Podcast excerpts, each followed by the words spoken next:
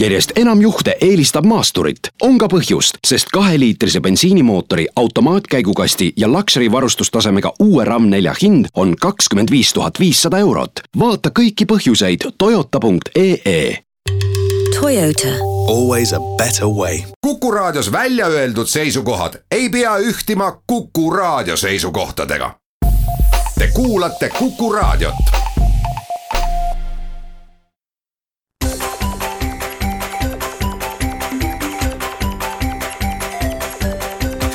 maksumaksja koostöös Eesti Maksumaksjate Liiduga.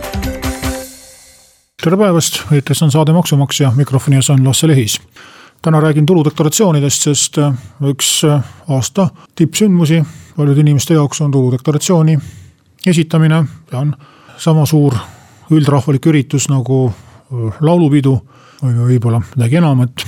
seekord siis on tulemas rekordiliselt suur tulumaksu tagastus mm, umbes saja neljakümnest miljonist eurost räägitakse. varem on see jäänud alla saja miljoni ja see hüpe on tingitud tulumaksureformist, millest ka siin saates alles eelmisel nädalal sai räägitud. põhjuseks siis see, et paljud inimesed ilmselt erinevatel kaalutlustel on mm, loobunud viiesaja eurose maksuvaba tulu jooksvast igakuisest kasutamisest, kas nad on loobunud või nad on, neil pole seda võimalust olnud. ja saavad siis oma maksuvabastuse kätte mm, täielikult või osaliselt üks kord aastas tuludeklaratsiooni alusel. mis tähendab muuhulgas ka seda, et on suurenenud võrreldes eelmiste aastatega nende inimeste arv, kes üldse peavad tuludeklaratsiooni esitama. ja nende uustulnukate nii-öelda hulgas on, on nii neid, kes peavad tulumaksu juurde maksma, kui ka neid, kes peavad või kes saavad tulumaksu tagasi seetõttu räägiks natukene ka protseduurireeglitest, loomulikult Maksu- ja Tolliameti kodulehel informatsiooni piisavalt peaks olema nagu me kõik teame, siis viieteistkümnendal veebruaril algab tulude deklareerimine ja lõpeb kolmekümne esimesel märtsil. no loomulikult ka hiljem neid võetakse vastu ja, ja ka maksuamet nüüd siin väga kuri trahvi tegija ka ei ole. olgu siis öeldud või mida ka maksuamet on pidevalt rõhutanud, et ei ole mõtet ummisjalu tormata esimestel tundidel. eelmiste aastate praktika näitab, et, et esimesel ööl või päeval kipub äh, server umbe minema, sest kõik tahavad ühe korraga äh, tormata tuludeklaratsiooni esitama, lootuses, et ähm, kes ees see mees, et siis ka esimesena tulumaksu tagasi saab, noh on siis öeldud, et, et ei ole nii äh, selle järjekorra määramine ja siin nüüd paar päeva oodata ei tohiks olla nüüd küll mingi oluline takistus. ja nagu ikka ka siis kiired tulude deklareerijad on pigem siis ähm, sellised inimesed, kellel on vaja ainult äh, paar korda klõpsu vajutada kus siis kõik andmed on eeltäidetud kujul olemas, nii tulude poole pealt kui ka mahaarvamiste poole pealt. Vaja siis kinnitada, et need andmed on õiged. ja seetõttu tahakski rääkida pigem nendest juhtudest, kus tuludeklaratsiooni täitmisega tuleks natukene rohkem vaeva näha, läbi lugeda mis seal kirjas on ja ka mõningaid tühje lahtreid ehk ise täita. et see kontingent, kellele minu õpetussõnad on suunatud, on pigem küll ilmselt äh, need inimesed, äh, kelle tuludeklaratsiooni esitamine kipub pigem sinna märtsi lõppu jääma ja mõnedel juhtudel võib-olla tuleb veel hiljemgi parandusi teha. räägime juurdemaksetest ja tagastustest, nende tähtaeg on esimene juuli aga me teame, et tagastustega maksuamet on üldiselt nobedam. see aasta siis kahekümne kuues veebruar on see päev, millest alates neid hakatakse tegema. juurdemaksega on jah nii, et esimeseks juuliks tuleb see tasuda, loomulikult võib ka varem, keegi ei keela, aga on teatud tululiigid, mille puhul mm, nii juurdemakse kui ka tagastuse tähtaeg on tegelikult esimene oktoober. ja tegemist on siis selliste juhtudega, kus eelduslikult eh, on vaja mm, andmeid natuke rohkem kontrollida. Eh, mis ei tähenda muidugi, et nüüd kõiki iga aasta väga põhjalikult kontrollitakse, aga need on siis eh, ettevõtlustulu ehk FIE-d, kasuvara võõrandamisest, kus on noh näiteks väärtpaberite puhul päris palju ridu mõnikord mida on vaja täita ja ega, ega tehingu puhul ka nii ostu kui, kui müügiga mm, seotud kulud lisada, mille kontrollimine võib päris palju aega võtta. E, ja tulud välismaalt, mis on e, seotud vajadusega kontrollida üle välisriigis deklareeritud andmed, e, seal võib olla probleeme selles, et tululiigid näiteks ei klapi või on valesti võib-olla seal aru saadud, millised tulud on maksustatavad, millised maksuvabad äh, äh, välisriigis maha arvatud maksud ei pruugi Eesti maksusüsteemiga kokku langeda, et mõnda saab maha arvata, mõnda ei saa ja nii edasi.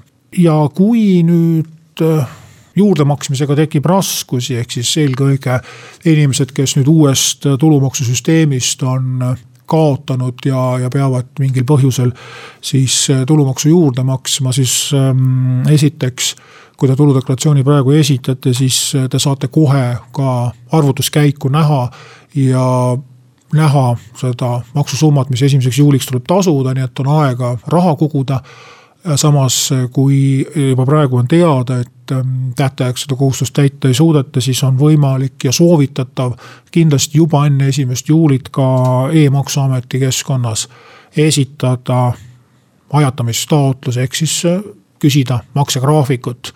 sellisel juhul, kui see maksegraafik on taotletud ja kinnitatud enne esimest juulit, siis ei avaldata seda maksuvõlga ka nii-öelda võlglaste häbipostis ja jäävad paljud ebameeldivused tulemata sellega äh, seoses. Äh, nüüd äh, räägiks sellest, et kes peaksid kindlasti tuludeklaratsiooni esitama, kes võib-olla muidu ei, ei pruugi selle peale tulla, no on teatud juhtumid, kus seadus nõuab ka tühja deklaratsiooni esitamist ja need inimesed, ma loodan, on selle kohustusega kursis. ja neile seda tuletatakse meelde, need on kõik äh, füüsilisest isikust ettevõtjad, kes peavad alati ettevõtlustulude vormi täitma, niikaua kui nad on äriregistrisse kantud.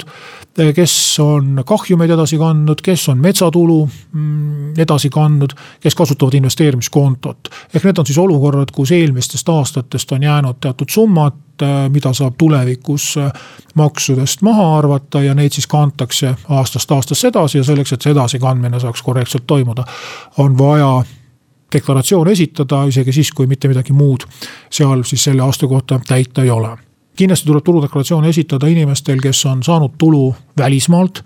Äh, isegi kui nad Eestist mingit tulu ei ole saanud, aga nad on jätkuvalt Eesti residendid. Äh, siin võib olla tihti arusaamatusi, sellepärast et äh, arvatakse, et kui välismaal töötamisel on ennast sealses maksuametis arvele võetud ja seal riigis makse makstakse, et siis ollakse ka seal maksuresidendid. et ei ole, ka mitteresidendid maksavad makse ja maksuresidentsus tähendab äh, ikkagi püsivalt teises riigis viibimist. ja maksureeglid on erinevad, nii et äh, kui isik on ähm, ikkagi säilitanud põhilise elukoha või majanduslikud sidemed Eestis. siis teda käsitletakse Eesti residendina, mis tähendab seda, et äh, välismaalt saadud tulud tuleb Eestis deklareerida.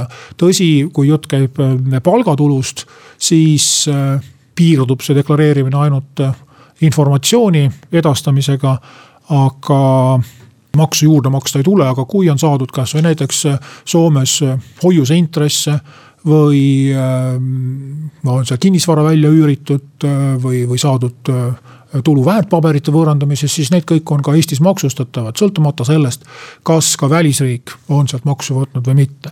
aga nende inimestega tavaliselt maksuamet võtab ühendust, kui nad on oma kohustuse unustanud täitmata, siis kindlasti tasuks tuludeklaratsiooni esitada nendel, kes ei ole töötanud tervet aastat.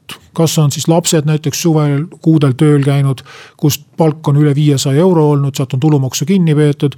või kus siis inimene, noor inimene on näiteks alles tööle läinud või vastupidi, eakam inimene on aasta keskel pensionile läinud.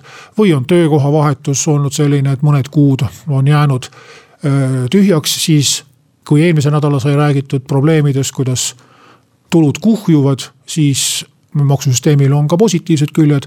maksuvaba tulu on aastapõhine, ehk siis ka siis, kui ma olen ainult ühe kuu tööl käinud, siis on minu maksuvaba tulu ikkagi kaksteist kuud ehk äh, siis kaheteistkümne kuu eest kuus tuhat eurot. ja ka näiteks siis, kui inimene siit ilmast lahkub, äh, on tal võimalus viimase elus oldud aasta eest maksuvaba tulu kasutada terve aasta ulatuses, mis tähendab seda, et pärijad peavad esitama deklaratsiooni ja saavad ka eelduslikult äh, tulumaksu pärijatena äh, tagasi. nii et lapsevanemad, kui teie laps on äh, tööl käinud, et talt on tulumaks kinni peetud, siis ei piisa sellest, et te olete oma tuludeklaratsioonis laste tulud deklareerinud, see on vajalik selleks, et vähendada lapsevanemale antavat täiendavat tulumaksu tagastust. vaid on vaja eraldi ka lapse seadusliku esindajana tema eest tuludeklaratsioon esitada ja lapse tulumaks samamoodi seadusliku esindajana tagasi saada. siis millised tulud tuleb kindlasti tuludeklaratsiooni lisada, mida seal eeltäidetud kujul ei ole. välismaalt saadud tulud ja kõik sellised tulud, millelt ei ole tulumaksu kinni peetud. see on vara võõrandamine, üüritulud, ettevõtlustulud ja noh, ka siin igasuguste jagamismajanduse platvormide kaudu teenitud tulud. mõnikord on see info edastatud, mõnikord mitte, siin on äh, praktika äh, erinev. kuid tuludeklaratsioonis on alati ka tulude poolele lisaks kulude pool, äh, sellest kohe pärast pausi.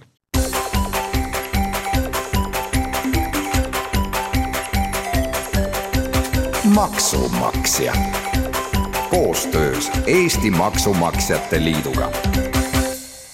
reedel algab tuludeklaratsioonide esitamine ja rõõmsam pool, mis kõiki maksumaksjaid innustab deklaratsiooni kiiremini esitama, on see, et saab rakendada mitmesuguseid maksusoodustusi, millega seoses tekib äh, sadadel tuhandetel inimestel tulumaksu tagastus, nii on see kogu aeg olnud ja nii on see ka nüüd viiesaja eurose maksuvaba tulu tingimustes ja mis need mahaarvamised on? Äh, maksuvaba tulu laste eest alates teisest lapsest äh, alla kaheksateist aasta vanusest lapsest, kodulaenu intressid kuni kolmsada eurot, koolituskulud koos kodulaenu intressidega kuni tuhat kakssada eurot, annetused MTÜ-dele ja kolmanda pensionisamba sissemaksed. Need on traditsiooniliselt aastast aastasse olnud, äh, muutunud siin midagi eriti ei ole jällegi valdavalt on see info teil juba tuludeklaratsioonis olemas, on mõned juhtumid, kus see tuleb ise käsitsi lisada, näiteks kui koolituskulud on välismaal tehtud, kellel on lapsed välismaal koolis. kui on tehtud annetusi kirikutele, kogudustele, siis ka nendel ei ole kohustust maksuametit nendest annetustest teavitada, mõni võib-olla on seda teinud, mõni ei ole, saab ise lisada. ja võib-olla ka loomulikult vigu, et mõni MTÜ on jätnud näiteks andmed esitamata, siis saab ise tuludeklaratsioonile kanda, aga siis võite kindlad olla, et maksuametnikud ka küsivad teilt maksedokumente, et asi üle kontrollida, et selles mõttes alati on kindlam, kui need andmed on liikunud siis andmete, annetuse saajate kaudu ja üks äh, uus teema, mis nüüd teist aastat on sellisel kujul, on siis abikaasade nii-öelda ühisdeklaratsioonide taastatud kuju, ehk siis kaotati ära võimalus esitada abikaasade ühiseid äh, tuludeklaratsioone. aga selle asemel on siis äh, kaks nii-öelda ülekandmist. ja see tähendab, et ähm, sellisel juhul peaks alustama tuludeklaratsiooni esitamist see abikaasa, kellel tulusid ei ole või on ebapiisavalt. kes siis äh, teeb linnukese ja märgib ära, et ta soovib oma mahaarvamised üle kanda teisele abikaasale ja need mahaarvamised on siis kodulaenu intressid ja koolituskulud tuleb siis need summad sinna kirja panna. kui on võimalik, siis arvatakse esimeses järjekorras maha selle maksumaksja enda sissetulekust, kui seda võimalust ei ole, siis ülejääk läheb teisele abikaasale, kes saab siis oma tuludeklaratsiooni hiljem täitma hakata. ja teine asi on siis maksuvaba tulu, kaks tuhat ükssada kuuskümmend eurot on võimalik siis ka teise abikaasa eest maha arvata, kui abikaasal endal seda võimalust ei olnud või vähemalt mitte täies ulatuses. siin on lisapiirang, abikaasade kogutulu ei tohi ületada viiskümmend tuhat nelisada eurot aastas. ehk see on see maagiline kaks tuhat ükssada eurot kuus, millest alates loetakse inimesi nii rikkaks, et neil enam maksuvaba tulu mahaarvamise õigust üldse ei ole mis puudutab kodulaenu intressi ja koolituskulusid, siis siin on veel üks lisatingimus, et abikaasad peavad olema varaühisuses, ehk siis ei tohi olla lahus vararežiimi. ja loomulikult jutt käib ametlikult abielus olevatest inimestest ainult. ja veel üks muudatus, mis sellega seoses tuli, et kui soovitakse deklareerida tulumaksu tagastust laste pealt, siis saab arvesse võtta ka teise abikaasa lapsi, ehk küsimus on selles, et peab olema vähemalt kaks last nii-öelda ette näidata, aga võib-olla siis üks enda oma ja üks teise abikaasa laps varasemast kooselust, neid saab siis nii-öelda kokku liita. seda tingimusel, et siis selle teise lapse teine vanem ehk siis tulumaksuseaduse keeles kolmas isik ei ole seda õigust kasutanud, ehk siis ükski laps ei saa kahekordselt arvesse minna, aga kokku saab neid panna, et siis moodsas kõnepruugis kärgpered on äh, ka tulumaksuseaduse silmis äh, suuremasse soosingusse langenud. sellised oleksid siis olulisemad äh, näpunäited seoses tuludeklaratsioonidega. soovin kõigile edu ja jõudu tulude deklareerimisel, olge tähelepanelikud ja ärge tehke vigu.